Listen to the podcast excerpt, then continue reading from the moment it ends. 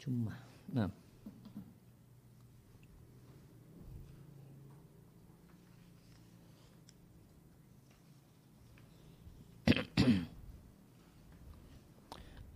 الحمد لله وكفى والصلاة والسلام على رسول المصطفى وعلى آله وصحبه ومن تبعهم بإحسان إلى يوم الدين أما بعد kaum muslimin dan muslimah rahimani wa rahimakumullah.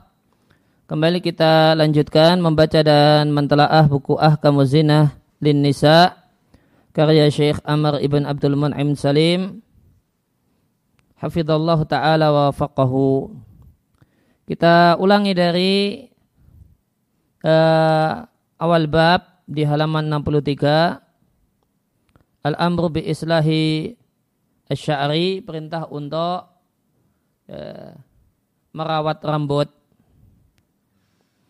Maka boleh jadi di antara hukum syariat yang ya, yang paling penting yang diajarkan oleh Islam terutama berkenaan dengan rambut kepala adalah perintah untuk merawat rambut.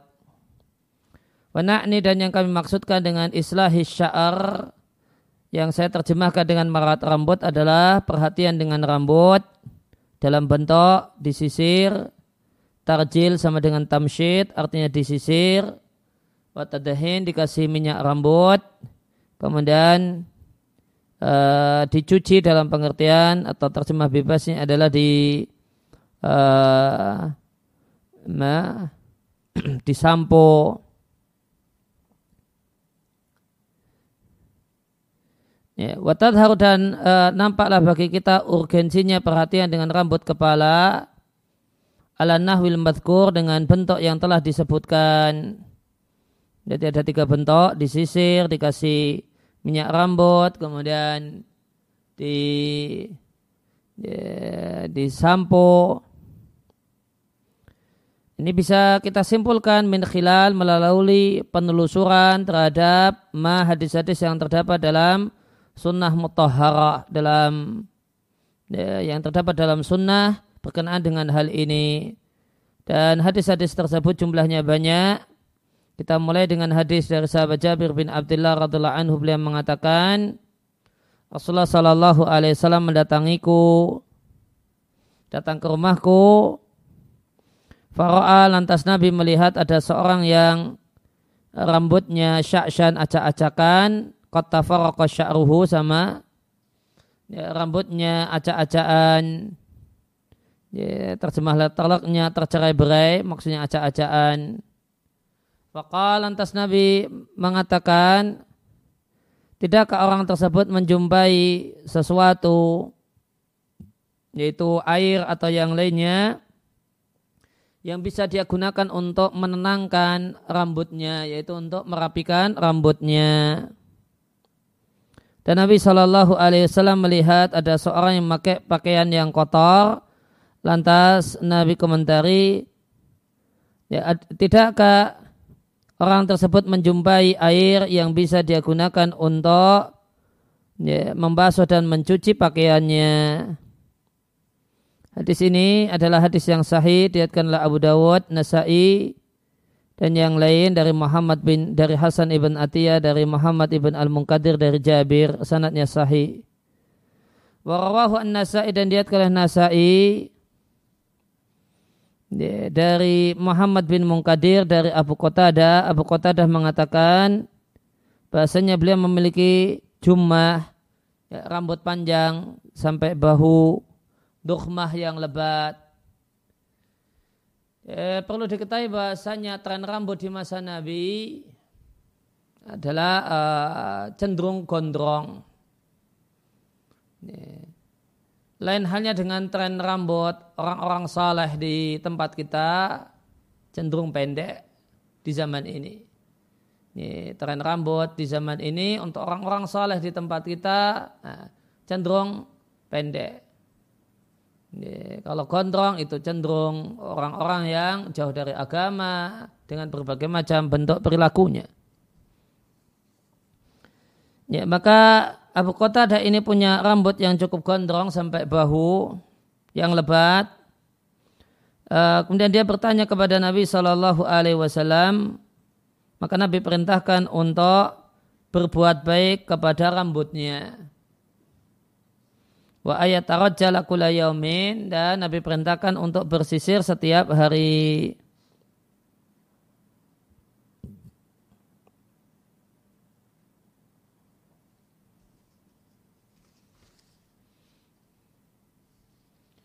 Kemudian di halaman setelahnya masih di catatan kaki Waqat ruya min wajhin mursalin diriatkan dari jalur yang mursal dari Atta ibn Yasar adalah Rasulullah Shallallahu Alaihi Wasallam di masjid.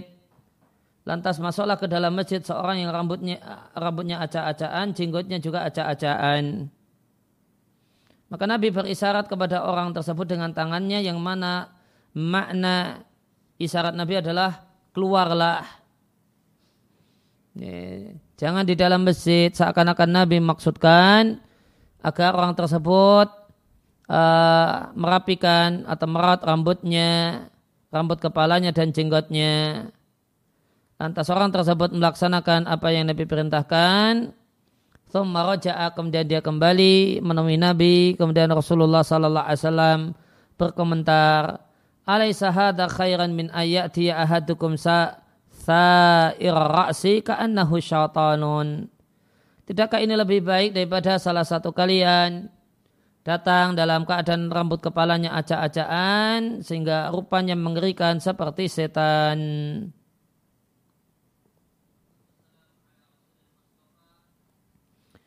Ya. ya, uh, redaksi ini juga dikeluarkan oleh Imam Malik dalam Muwatta dari Zaid bin Aslam, bahasanya Atta bin Yasar bercerita kepadanya dan seterusnya.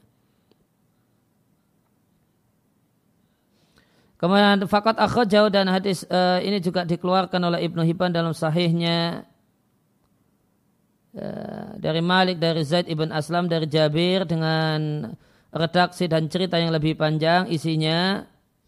Kalau Jabir Jabir mengatakan Wa ingdana sahibun kami punya kawan sahibun lana kami punya kawan kami siapkan orang tersebut agar mengembala kendaraan kami. Qal fajahastu maka kusiapkan dia. Semadhaba kemudian dia pergi lihat haba untuk pergi dengan kendaraan wa alaihi dan dia memakai dua kain qad khaliqa yang sudah jelek. Qal fanadhara ilai Rasulullah sallallahu alaihi wasallam. Maka Rasulullah Sallallahu Alaihi Wasallam memandangi orang tersebut dan berkomentar, apakah tidakkah dia memiliki dua kain selain dua kain ini, yaitu dua kain yang jelek?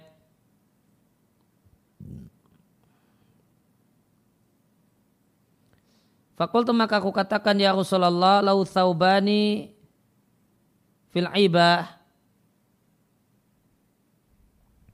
Wahai Rasulullah, dia memiliki dua kain di ibah atau fi aibah kasautuhu iyahuma yang kupakaikan badannya. Qal maka Nabi mengatakan panggillah dia perintahkanlah dia supaya memakai dua kain tersebut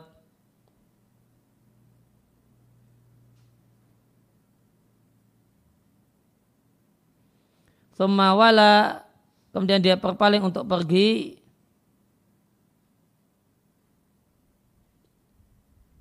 Faqala Rasulullah sallallahu alaihi wasallam lantas Rasulullah sallallahu alaihi wasallam bersabda Malahu daraballahu unuqahu. Kenapa dia ya, semoga Allah ya, ini kalimat artikan dengan doa yang letalaknya adalah semoga Allah uh, menebas lehernya. Alaisa hadza khairan? Bukankah ini lebih baik? Fasami'ahu lantas orang tersebut mengata, uh, mendengarnya maka orang tersebut mengatakan Wahai Rasulullah apakah tertebas lahir di jalan Allah Fakutila rajulu fi Maka orang tersebut pun terbunuh di jalan Allah Ya, namun kalau redaksi semacam ini dikomentar oleh penulis Syekh Amr, isnadnya mungkar.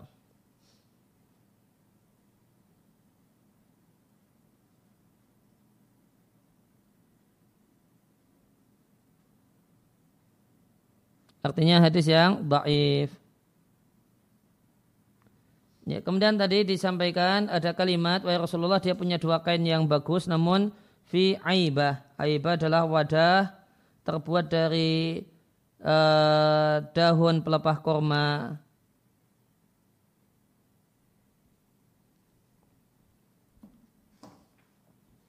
Ya, maka ya, kita lihat kalau di red tapi red yang daif eh, Nabi menegur seorang yang memakai kain yang jelek padahal dia punya dua kain padahal dia punya pakaian dan pakaian ya, kain dan pakaian yang lebih layak Nabi tegur orang se semacam ini kembali ke atas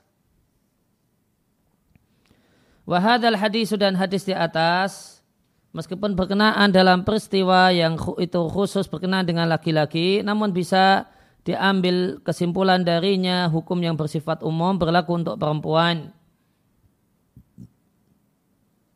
Kenapa bisa kita katakan juga berlaku untuk perempuan? Karena terdapat dalil yang menunjukkan ala dalika hal tersebut. Yaitu boleh untuk perempuan.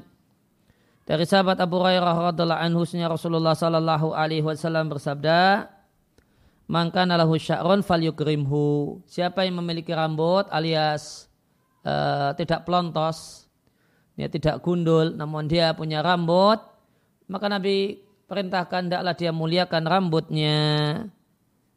Ya, hadis dengan derajat Hasan dikeluarkan oleh Abu Dawud dan yang lainnya. Nah, kalau hadis ini umum berlaku untuk laki-laki dan perempuan. Sehingga hadis sebelumnya itu memiliki indikator yaitu hadis yang terakhir tadi kita bacakan yang menunjukkan kalau ketentuan ini berlaku umum untuk semua laki-laki ataupun perempuan. Dan memuliakan rambut kepala tidaklah ada kecuali dengan membersihkan rambut kepala, kemudian membasuh dan mengguyurnya, artinya ya, ya men, apa, eh, menyamponya, memberikan sampo padanya, watadahin, memberikan minyak rambut, watarjil dan mensisiri. Demikian juga merapikan ujung-ujungnya. Jangan kemudian ujung-ujungnya tidak rapi, ada yang panjang, ada yang pendek. Ya, maka menjadi penampilan yang tidak bagus. Semua itu dilakukan supaya tidaklah supaya tidaklah nampak dengan penampilan yang tidak layak. Abimang darin atau dengan penampilan yang bikin jijik mata dan eh, dan menyebabkan jijiknya jiwa. Ya, di sini digunakan bahasa jijik. Ya, kalau bahasa kita ya bikin mata sepet, ya, mata gatal karena melihat penampilan yang tidak rapi. Maka menjadi kewajiban seorang wanita untuk perhatian dengan penampilan rambut kepalanya. Fatus lihu min sya'nihi. Maka hendaklah dia rawat. Se, uh, min sya'nihi dengan semestinya di hadapan suaminya. Karena rambut kepala adalah di antara madahir zina. Di antara ya, bentuk perhiasan atau bentuk ya, bentuk berdandan wal jamal dan kecantikan pada wanita. Yang ini ya, suami itu senang bin nadar ilaihi minha dengan memandang rambut yang indah dari seorang istri. Dan tidaklah diragukan bahasanya memasukkan rasa gembira artinya membuat gembira hati suami satu hal yang dianjurkan dan sesuatu yang mahsusun alihi satu hal yang dianjurkan. Rasulullah Shallallahu Alaihi Wasallam ditanya tentang sebaik-baik wanita, fakal maka Rasul katakan dia adalah wanita yang taat jika suaminya memerintahkannya, dan dia adalah wanita yang menyenangkan jika suaminya memandanginya, dan dia adalah wanita yang menjaga dirinya dan hartanya. Walidhalika oleh karena itu wahai saudariku muslimah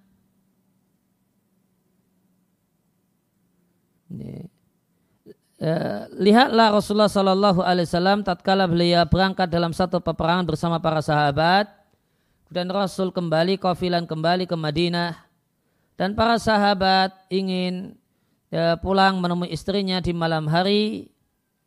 Qala maka Nabi melarang para sahabat dengan mengatakan amhilu sabar hatta nadkhula lailan sampai kita pulang di malam selanjutnya.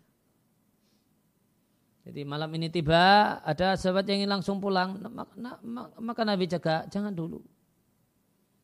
Biar istri tahu kalau rombongannya Nabi uh, sudah tiba di Madinah. Ya, kemudian ya kita istirahat-istirahat dulu. Biar istri persiapan. Apa yang semestinya disiapkan oleh istri, kayak supaya wanita yang rambutnya acak-acakan itu punya waktu untuk bersisir, dan maghibah dan wanita yang lama ditinggal pergi oleh suaminya itu berkesempatan untuk uh, membersihkan bulu kemaluannya. Demikian ada hadis yang diatkan oleh Al-Bukhari dan Muslim.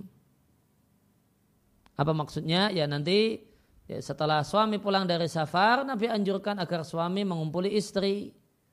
Dan ketika suami ini mengumpuli istri, dia lihat dalam keadaan istrinya rambutnya rapi, Ya, demikian juga dia suami akan uh, lebih semangat untuk uh, untuk ngumpul istri ketika istri juga uh, menyiapkan diri dengan membersihkan bulu kemaluan sebelum suaminya pulang. Ya, maka keadaan yang disarankan oleh Nabi berdasarkan hadis ini ketika suami istri itu melakukan hubungan suami istri, ketika suami istri melakukan hubungan biologis dalam keadaan ya, rapi dalam keadaan baik dan bersih daerah di sekitar uh, organ vital. Yang dimaksud dengan syak-syak wanita yang rambutnya acak-acakan adalah wanita yang berdebu dan mengeras dan kotor rambut kepalanya. Yang dimaksud dengan mengeras adalah rambut ketika lama tidak disisir, ya, maka dia bisa uh, nempel satu dengan yang lain sehingga uh, nanti lama kelamaan bisa jadi gimbal. Nah itu mengeras.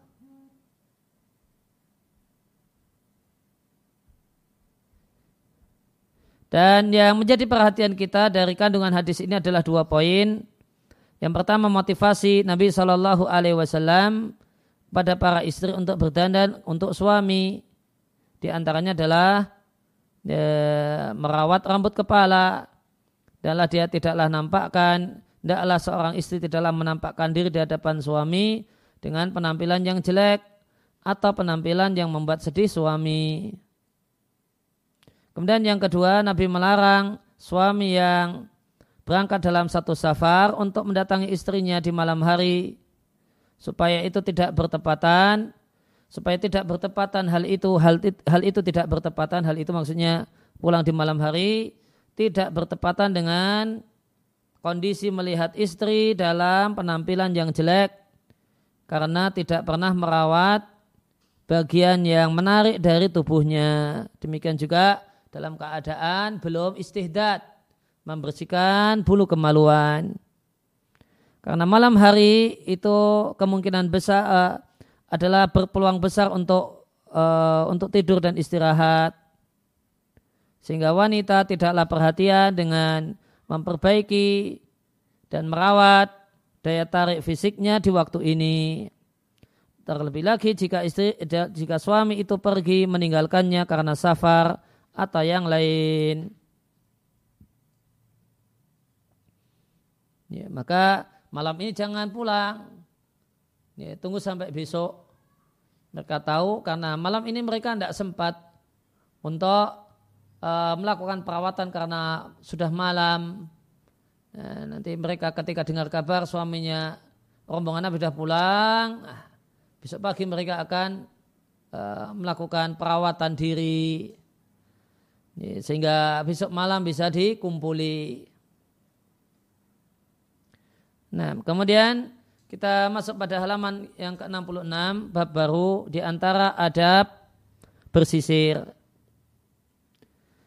Sebuah keharusan bagi kami memberikan uh, penjelasan singkat huna di bab ini sebagian adab Nabi yang di yang di, didorong oleh syariat yang suci ini, yang hanif ini untuk kita pegangi ada perkenaan dengan menyisir rambut kepala.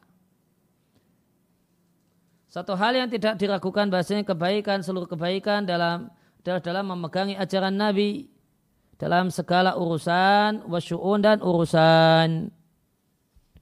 Maka di antara adab menyisir rambut kepala yang pertama dimulai dengan belahan kanan dari kepala dari Bunda Aisyah radhiallahu anha beliau mengatakan bahasanya Rasulullah sallallahu alaihi wasallam menyukai mendahului mendahulukan yang kanan mas tata'a selama mampu ketika bersuci, ketika pakai sandal dan ketika bersisir.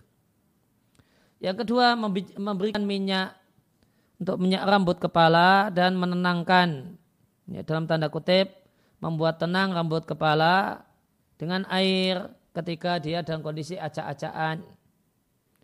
Karena mengingat sabda Nabi Shallallahu Alaihi Wasallam tatkala melihat ada seorang yang rambutnya acak-acakan, maka Nabi komentari tidakkah dia menjumpai air yang bisa dia pakai untuk menenangkan dan merapikan rambut kepalanya.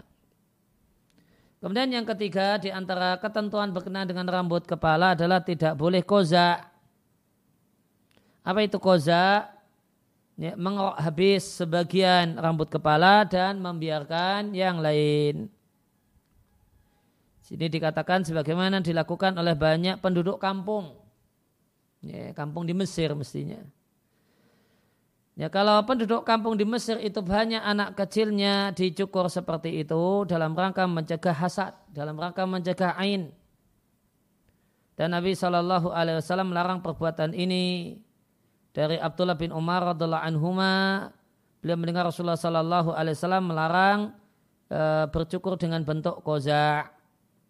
Koza adalah rambut kepala digundul wayutrok dan di uh, seluruhnya digundul, plontos, wayutrok dan di, dibiarkan uh, binasiati binasiati bagian ubun-ubunnya masih punya banyak rambut kepala.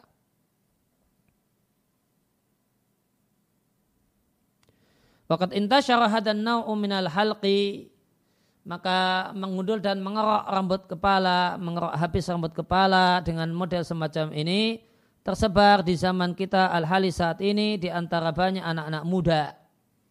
Bihujatnya dengan alasan bahasanya ini adalah akhir seruan mode. Mode rambut kepala. Ya, dan sampai hari ini pun di tempat kita mode ini masih tersebar. Kalau dulu di kampung tadi uh, kalau di kampung saya disebut dengan model terasi. Jadi di sini ini utuh, ada rambutnya, sini pelontos. Kemudian ataukah kemudian model anak-anak pang yang di sini uh, utuh, kemudian di sini dihabisi. Ini kozak yang terlarang. Atau sebagiannya lagi dibentuk seperti sisir gitu. Uh, di sini atau di sini uh, ada bagian-bagian yang di uh, namun uh, namun membentuk garis ya. maka ini bagian dari koza. Kenapa ada sebagian anak muda kaum muslimin melakukannya? Ya ya maka jawabannya mode. Dan di sini dikomentari wallahi demi Allah mode itu adalah ya, tipu daya iblis terhadap para hamba Allah. Yang kemudian tipu daya ini disokong dibantu oleh non muslim ahli kitab dari kalangan Yahudi dan Nasrani dan semua musuh-musuh agama dari kalangan orang-orang barat ataupun orang yang timur. Dengan mereka menyebarluaskannya di tengah-tengah generasi muda Islam. Min afkari su'in berupa pemikiran-pemikiran yang jelek dan pemikiran pemimpin yang sangat menyimpang. Dengan tujuan menggeser anak-anak muda ila jilin na'imin kepada generasi yang cuma senang-senang yang tidaklah memandang segala sesuatu kecuali dengan kacamata mode dan tidaklah bergerak kecuali karena mode.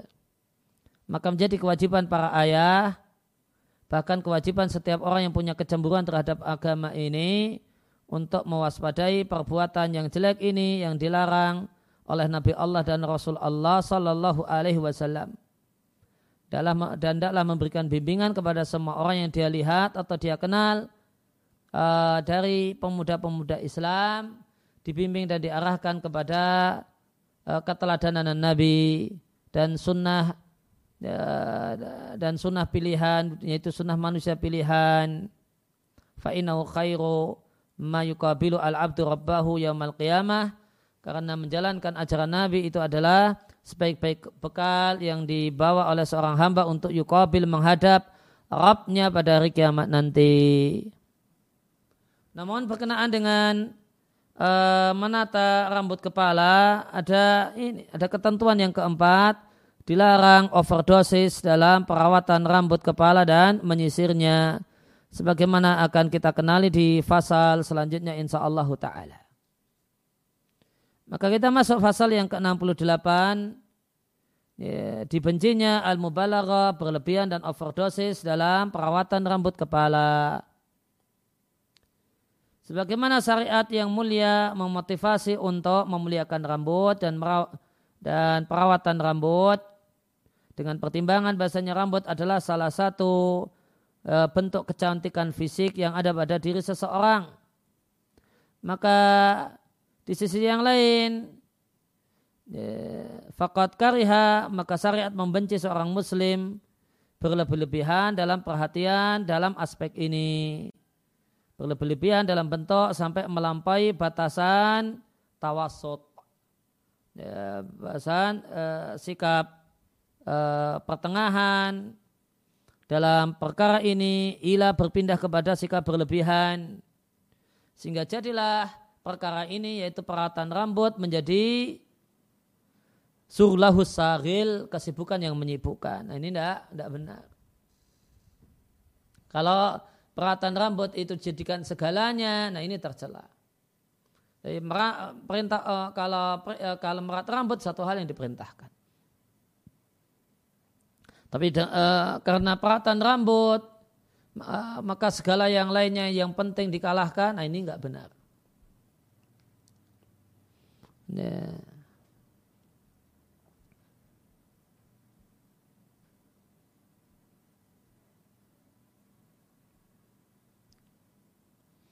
Wa idharulana hadal amru jaliya dan uh, perkara ini nampak demikian gamblang dari hadis Abdullah bin Mughafal radhiallahu anhu beliau mengatakan Rasulullah Shallallahu Alaihi Wasallam melarang bersisir, mensisir rambut kepala kecuali uh, riban, kecuali jarang-jarang.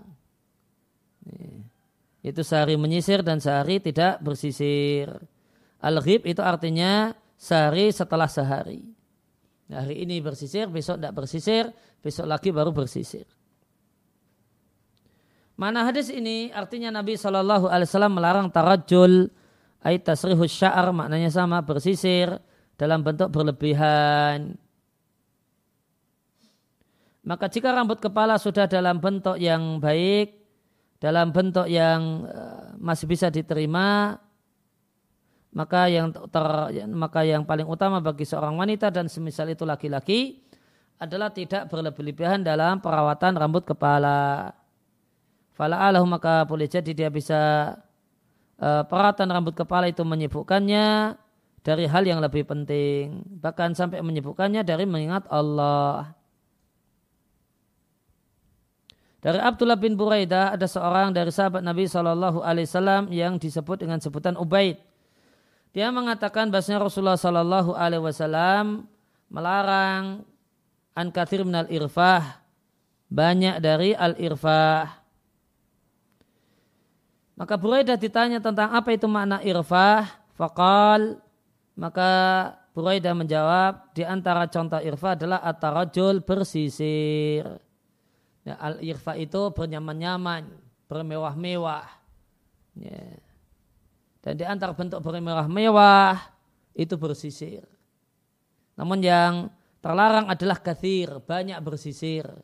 Dan yang dimaksud dengan banyak bersisir adalah bersisir yang tidak perlu rambutnya masih rapi, ya, rambutnya masih rapi, nah, sisiran lagi. Ya, masih rapi, berkaca lagi, bersisir lagi. Nah ini yang ini. Ini pesan pokok dari uh, larangan untuk bersisir kecuali uh, sehari sekali uh, jeda sehari. Itu tidak harus kaku jeda sehari gitu. Hari ini bersisir berarti besok nggak bersisir, tidak demikian. Namun pesan pokok yang diambil adalah jangan berlebihan. Kalau rambut itu posisinya sudah rapi ya sudah biarin. Ya, ini tentu yang rambutnya panjang. Kalau rambutnya cepak, cukup pendek cuma setengah senti atau ini ya, nah itu santai. Tidak perlu nggak mikirkan rambut kepalanya. Namun yang rambutnya uh, lebat, ya, maka hendaklah dia rawat rambutnya dengan bersisir. Namun bersisirnya jangan ya, berlebihan. Kalau uh, tolak ukur berlebihan, kalau masih rapi ya jangan bersisir.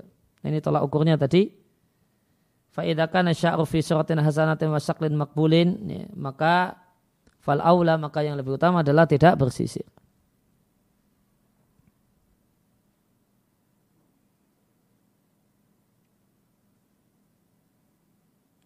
Walabudalana huna dan menjadi satu keharusan bagi kami huna di kesempatan ini untuk mengingatkan wanita-wanita muslimah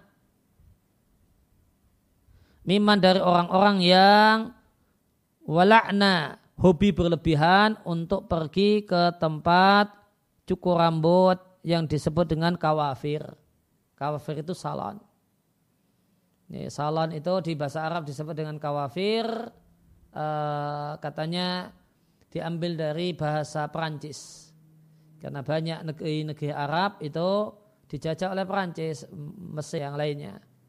Maka salon kemudian uh, masuknya dari Eh, kenapa disebut kawafir? Ya, itu dari bahasa Perancis. Minal uh, kalau terlalu maka terdapat banyak pelanggaran syariat yang dia petik gara-gara pergi ke tempat ini. Di antara pelanggaran syariat untuk orang yang tadi tapi yang bermasalah adalah jika walak nabi zahab. Ini sangat hobi demen sekali. Ini, ya, untuk kesalon. Ya, maka itu yang menimbulkan sejumlah dampak negatif. Yang pertama, buang-buang harta. Dan membelanjakan harta tidak dalam penyalurannya yang sasarannya yang dinilai tepat menurut syariat. Bi'lidofa ditambah ya, mayaka'na minhunna mayaka'u minhunna uh, apa yang terjadi dari para istri membuang-buang harta si istri atau harta suami. Padahal Allah Ta'ala berfirman, sebenarnya orang yang melakukan tabdir, membuang-buang harta dalam maksiat, itu saudaranya setan.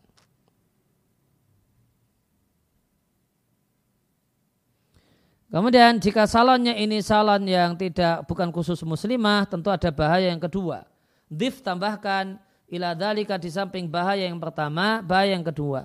Yaitu apa yang dilakukan oleh banyak eh, perempuan membuka hijab dari rambut kepalanya di depan laki-laki ajnabi. Tidaklah diragukan kalau ini haram. Ya, tidak ada dua orang dari muslim yang berselisih dalam masalah ini. Kemudian yang ketiga, sebagaimana uh, mendatangi tempat ini Ya, bihati surah dengan bentuk eh, seperti itu adalah bentuk berlebihan overdosis dalam uh, menyisir rambut kepala. Padahal Nabi Shallallahu Alaihi Wasallam melarang kita untuk melakukan hal itu. Maka menjadi kewajiban anda wahai uktil muslimah untuk mewaspada, untuk waspada dan mengingatkan orang yang suka mendatangi tempat ini yang dilakukan padanya berbagai macam dosa bahkan dosa besar di antara bentuk dosa besarnya ya mencabut uh, bulu alis uh, atau boleh jadi ada layanan untuk bikin apa, uh, apa Pak Sulam alis atau kemudian tato bibir dan sebagainya. Dan adalah Anda berkomitmen dengan apa yang diperintahkan oleh Allah Subhanahu wa taala dan rasulnya dan uh, berhenti dari apa yang dilarang oleh keduanya, wazajara dan dilarang oleh keduanya. Ya, maka tentu salon ada dua macam, ada salon umum yang banyak di tempat kita diisi oleh uh, banci atau orang yang cenderung banci. Ya. Maka ini tentu tidak layak, tidak boleh seorang muslimah mendatanginya. Kemudian yang kedua adalah salon muslimah. Maka salon muslimah tentu tidak terkandung padanya larangan di poin yang pertama. Ada pun larangan di poin, eh, larangan di poin yang kedua. Larangan atau unsur yang terlarang di poin yang pertama ini manakala terlalu berlebihan. Terlalu berlebihan untuk dengan uh, uh, biaya yang jor-joran untuk sekedar perawatan tubuh. Ya. Ya.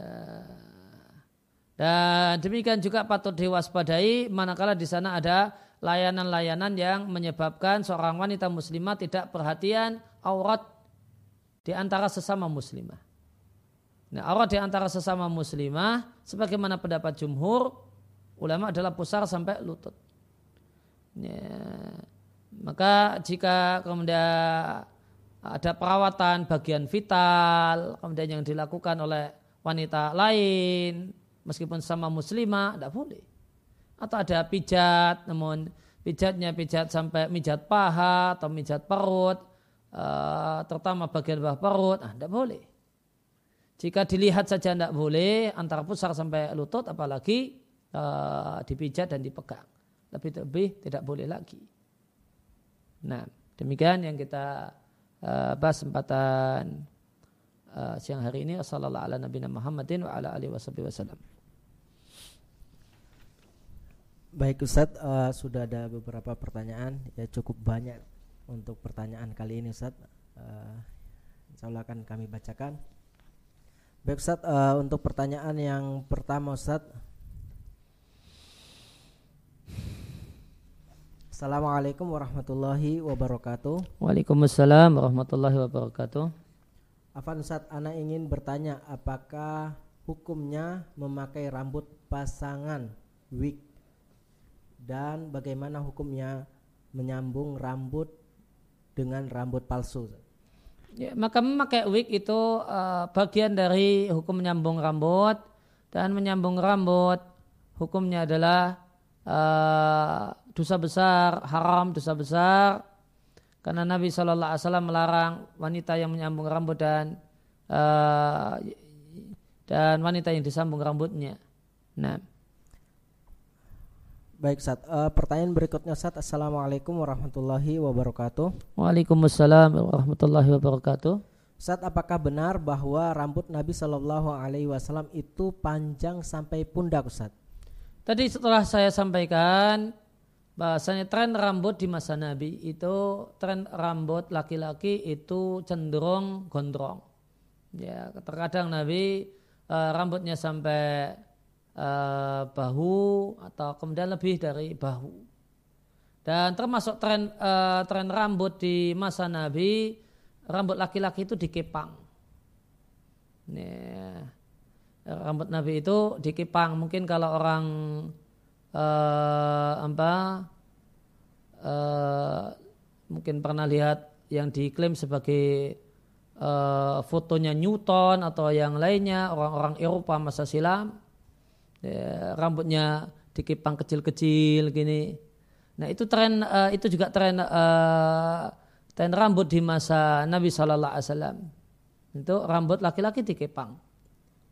Nah dan pendapat yang paling kuat dalam masalah ini uh, apakah rambut gondrong itu sunnah Nabi ataukah uh, apakah itu tren budaya sehingga sunnah Nabi adalah sesuai dengan tren budaya orang soleh di masing-masing zaman.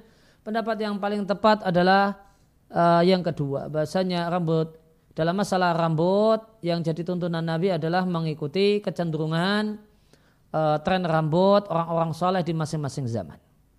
Dan di zaman kita tren rambut orang-orang soleh bukan gondrong, bukan pula di kepang kecil-kecil kiri kanan gitu, sampai belakang atau kemudian dibuat uh, uh, bergelung-gelung. Nah, itu tidak demikian. Ya, maka uh, maka yang sunnah yang sesuai dengan tuntunan adalah mengikuti kecenderungan tren rambut orang soleh di masing-masing zaman. Nah. Baik Ustaz, syukran atas jawabannya Ustaz. Assalamualaikum warahmatullahi wabarakatuh. Waalaikumsalam warahmatullahi wabarakatuh. Afan Ustaz, saya ingin bertanya, bagaimanakah hukumnya memakai sanggul untuk pengantin? Dan bagaimana hukumnya perempuan sebagai tukang rias pengantin Ustaz? Sukron. Ya, memasang sanggul itu membesarkan rambut kepala sehingga kata Nabi seperti punuk unta dan itu satu hal yang uh, dilarang oleh Nabi Shallallahu Alaihi Wasallam dan profesi yang demikian tentu adalah profesi yang terlarang. Nah. Baik Ustaz, pertanyaan yang berikutnya Ustaz. Assalamualaikum warahmatullahi wabarakatuh. Waalaikumsalam warahmatullahi wabarakatuh. Ustaz, bolehkah memotong rambut sebagian dan sebagiannya dibiarkan panjang seperti poni bagi wanita Ustaz? Jawabannya cuma singkat boleh. Nah. Baik Ustaz, pertanyaan berikutnya. Ustaz izin bertanya bagaimana hukum memakai sampo yang tidak ada label halal apakah ini termasuk subhat karena kita tidak tahu bahan-bahannya dan apa hukum menggunakan catok rambut supaya lurus atau keriting uh, meluruskan rambut atau mengkeriting rambut jika bersifat sementara hukumnya tidak mengapa ya, jika terutama apalagi tujuannya adalah tujuan yang mulia untuk berpenampilan menarik di hadapan suami ya, Kemudian apa tadi yang pertama? Uh, sampo. Uh, sampo halal. Ya, maka hukum asal sampo dan yang lainnya adalah uh, hukum asalnya mubah. Selama tidak ada hal-hal yang mencurigakan uh, menurut ahlinya orang yang uh, mungkin uh, di antara kita mungkin ada yang ahli kimia atau sebagainya bisa melihat isi sampo tersebut tidak ada yang mencurigakan maka hukum kembali kepada hukum asalnya yaitu boleh. Nah. Baik Ustaz, uh, pertanyaan berikutnya Ustaz. Ahsanallahu ilaikum Ustaz. Wa ilaikum. Jika membelah rambut di pinggir bukan di tengah, apakah itu termasuk makruh atau haram? Karena pernah mendengar bahwa itu tasabuh seperti orang kafir. Syukran. Uh, tasabuh dalam hal-hal semacam ini kembali kepada kondisi zamannya dan negerinya. Ya, ketika di kondisi zamannya dan negerinya itu tidak menjadi ciri khas orang kafir maka tidak masalah. Dan sebatas uh, uh, dan sebatas uh, pengetahuan saya hal semacam ini di, tempat kita bukan tidak identik dengan golongan-golongan uh, tertentu yang kesannya negatif sehingga insya Allah tidak mengapa. Nah. Baik Ustaz, pertanyaan berikutnya Ustaz. Ustaz, apakah rambut yang seperti punuk unta itu adalah rambut yang diikat dan kelihatan menonjol di belakang kerudung walau walau kerudung lebar dan panjang? Dan bagaimana tata cara agar tidak punuk unta, Ustaz? E, jawabannya benar demikian e, di antara maksud hadis tentang punuk unta. Kemudian tata caranya ya diurai kalau mau digelong pada saat di rumah atau kemudian dijepit sehingga di diurai ke belakang kemudian di uh, uh, atau kemudian digulung jadi dua bagian atau semacam itu. Nah. Baik Ustaz, uh, pertanyaan berikutnya Ustaz, Ustaz, bolehkah lelaki menggunakan produk kosmetik untuk perawatan wajah dan tubuhnya, misalnya untuk memecah mencegah wajah dari jerawat atau agar wajah dan kulit tampak lebih bersih. Jazakumullah khairan. Uh, jika untuk mencegah atau mengobati jerawat tidak masalah insyaallah taala. Uh, adapun uh, jika tujuannya adalah untuk mempercantik wajah ya, ya maka ya, jika hal ini uh, wajar dalam bentuk uh, ya wajar maka mudah-mudahan tidak mengapa. Namun kalau tidak wajar, tidak wajar itu gini, uh, misalnya karena mengutamakan kecantikan wajah sampai-sampai gotong royong tidak mau berdebu-debu tidak mau angkat-angkat batu tidak mau padahal laki itu harus uh, harus gagah perkasa kelebutan ya, uh, keindahan, ya, itu biar menjadi domain perempuan.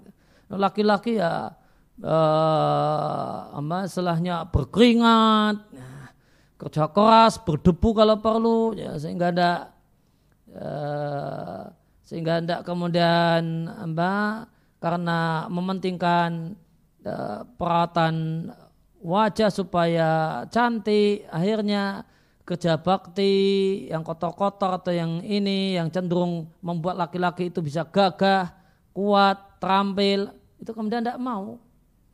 Ya, maka jika wajar cuma sekedar biasa saja, ya, ya insya Allah tidak mengapa. Namun jika kemudian membuat lelaki itu malas untuk melakukan hal-hal yang selayaknya dilakukan oleh laki-laki, nah maka ini tidak boleh. Baik Ustaz, syukran atas jawabannya Ustaz. Jawab uh, pertanyaan berikutnya Ustaz. Ahsanallahu ilaikum Ustaz. Amin. Bolehkah bagi perempuan untuk memotong dan mewarnai rambut agar suami senang namun inspirasi modelnya adalah wanita non muslim dan bagaimana bentuk tata rias rambut para istri Nabi seberapa panjang Ustaz? Ya, maka ada larangan menyerupai orang kafir. Menyerupai orang kafir ini mencakup dua hal. Yang pertama, tren umum orang kafir sehingga identik dengan orang kafir. Kemudian yang kedua, orang kafir tertentu. Oh, artis tertentu itu bentuk rambutnya demikian, kemudian saya contoh. Maka ini tasabuh dengan uh, dengan wanita kafir yang terlarang. Jadi jika inspirasinya adalah dari uh, artis uh, Korea atau kemudian artis Amerika atau uh, yang lainnya yang non Muslim itu yang jadi inspirasi sehingga tata rias rambutnya bentuknya seperti ini dan seperti itu maka tidak boleh. Adapun uh, rambut eh, para istri Nabi maka mereka tidak uh, maka ketika Nabi hidup maka tidak ada di antara mereka yang memotongnya. Maka rambut mereka panjang. Nah, setelah Nabi wafat, mereka tidak ada hajat keperluan untuk berdandan untuk suami karena mereka tidak menikah uh, setelah Nabi wafat maka potongan rambut mereka pendek. Nah. Baik Ustaz, uh, pertanyaan berikutnya Ustaz. Bismillah ahsanallahu ilaikum Ustaz. Waalaikum. Bagaimana hukumnya dengan seorang akhwat yang hobi mengirim foto dirinya tanpa jilbab kepada teman akhwatnya yang dipercaya tidak akan menyebar luaskan foto tersebut. Di zaman ini sulit mendapai orang yang betul-betul bisa dipercaya. Siapa yang bisa menjamin itu tidak dilihat, diperlihatkan oleh uh, uh, temannya tersebut kepada kakak laki-lakinya atau terlihat oleh kakak laki-lakinya, terlihat oleh bapaknya. Ya, dan kata ahli psikologi bahasanya orang yang hobi semacam ini tidak ada keperluan cuma kemudian jepret-jepret wajah sendiri itu ada satu penyakit psikologi tentang hal ini. Saya pernah baca tulisan tentang hal ini namun uh, saya tidak ingat secara baik. Namun yang jelas itu ada masalah dari sisi psikologi. Ya, nah ini per perlu diobati, tidak kemudian disalurkan hobinya yang semacam ini. Nah, baik Ustaz, uh, pertanyaan berikutnya Ustaz, bagaimana hukum memakai gelang bagi laki-laki Ustaz? Apakah termasuk menyerupai wanita ataukah gelang hukumnya sama seperti jam tangan yang bisa dipakai laki-laki atau perempuan? Ustaz? Gelang itu khasnya perempuan, maka tidak boleh dipakai oleh laki-laki. Nah. Baik Ustaz. E, pertanyaan berikutnya Ustaz. Assalamualaikum warahmatullahi wabarakatuh. Waalaikumsalam warahmatullahi wabarakatuh. Bolehkah saya memutuskan hubungan di medsos dengan kawan saya karena dia kadang menceritakan tentang rumah tangganya. Kadang saya risih dan takut menimbulkan hati jadi tidak bersyukur.